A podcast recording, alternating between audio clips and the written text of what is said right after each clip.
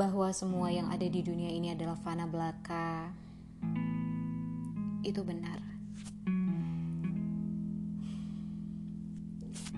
Dalam hening pagi ini aku duduk, meliukan pena, ingin melukis rencana, mendedahkan resah yang sudah tak sanggup rebah berhari-hari.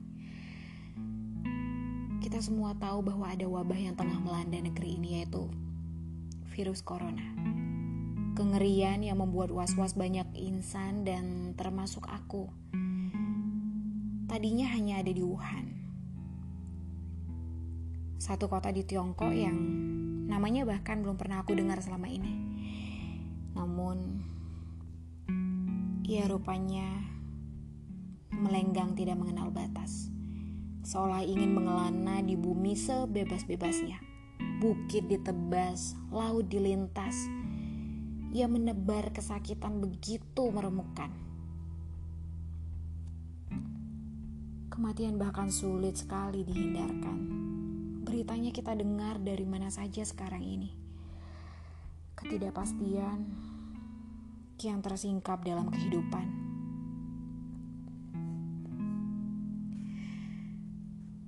Dari tempat tidurku, aku kemudian beranjak ke teras rumah. Aku duduk bersandar pada pintu dan sesekali menengadah ke langit melihat ia yang di kelambu awan kelabu pagi ini. Pukul 6 lebih 42 menit. Di ruang tamu, duduk mereka yang amat kukasihi, suamiku dan anakku. mereka saling bersahut-sahutan dan asik bermain. Menyusun balon. Oh, bukan menyusun alfabet kayu pada kedudukannya? Um, agak ribet ya. Maksudku mereka sedang bermain puzzle. Ya itu. Puzzle alfabet.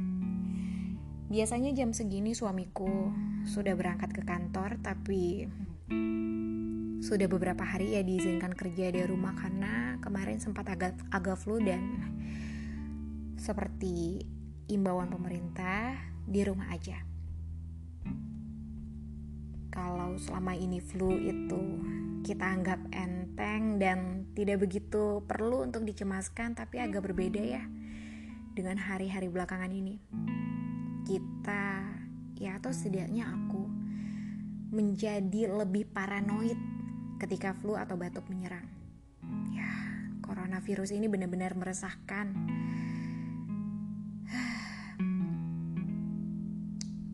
aku bersyukur, sangat bersyukur, karena suamiku punya kesempatan bekerja dari rumah pada momen ini.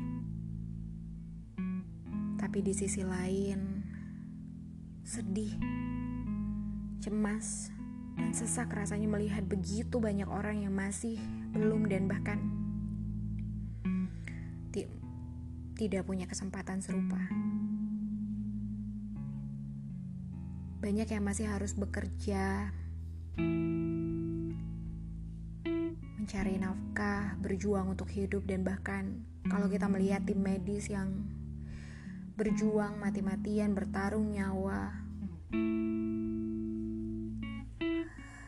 rasanya sangat.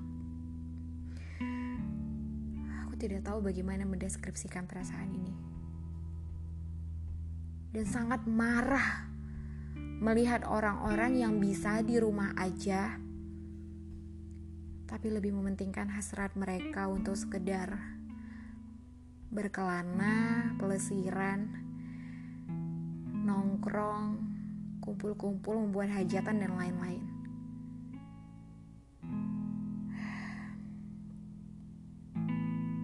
Tak tahu entah berapa lama kita akan dicecar wabah ini, tapi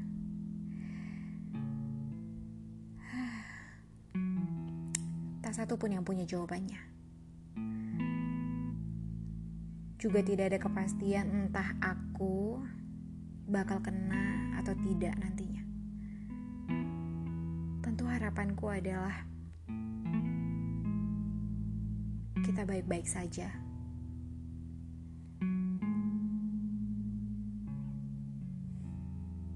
Dalam semua ketidakpastian ini,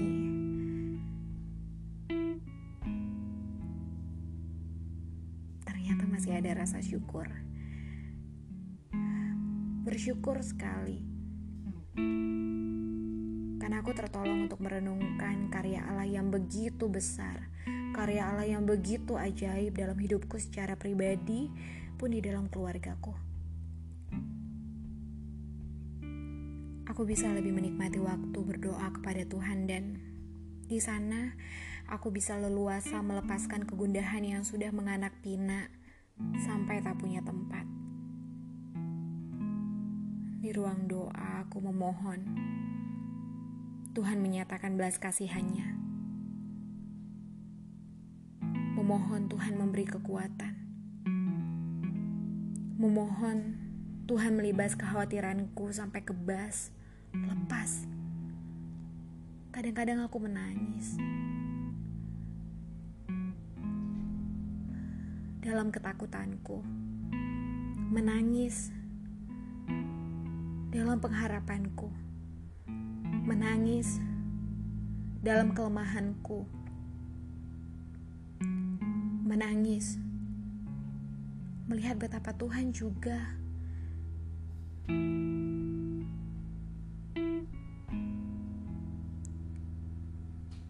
Tetap berkarya dalam situasi ini.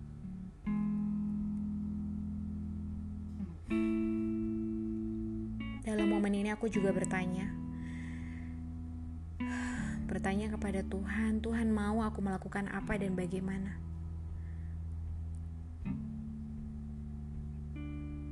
Ada satu hal yang kemudian Tuhan nyatakan kepadaku berulang-ulang Termasuk ketika aku melakukan satu tindakan dan yang kemudian aku sadari bahwa itu keliru. Tuhan mengatakan, "Jangan kiranya, Saf, karena ketakutanmu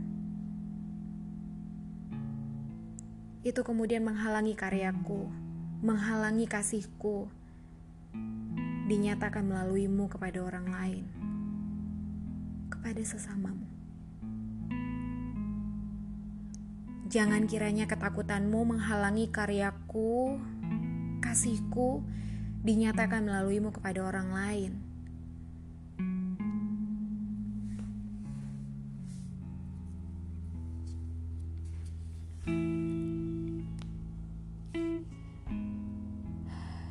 Entah apa yang akan terjadi di depan sana, kita tidak tahu. Tapi Allah, sumber pengharapan, Dia pasti menolong. Dia pasti mengingat kita.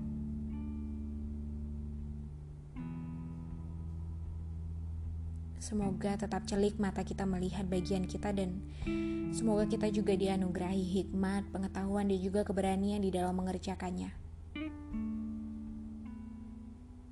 Juga Semoga kita selalu mengingat bahwa hidup kita ini serupa uap yang sebentar saja kelihatan lalu lenyap. Semoga kita tidak menjadi pongah, serakah dalam hari-hari kita.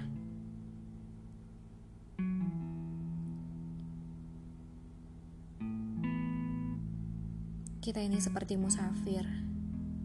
Kita mengembara meninggalkan semua negeri,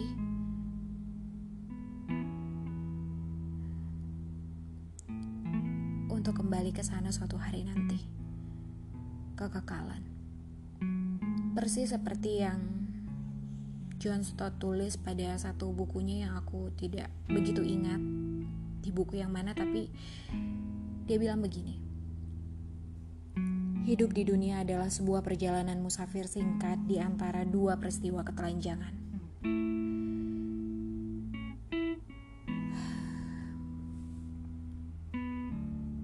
Terakhir, aku buat ini bukan karena aku benar, bukan untuk menggurui, namun karena aku hanya ingin membagi sebuah lukisan rencana.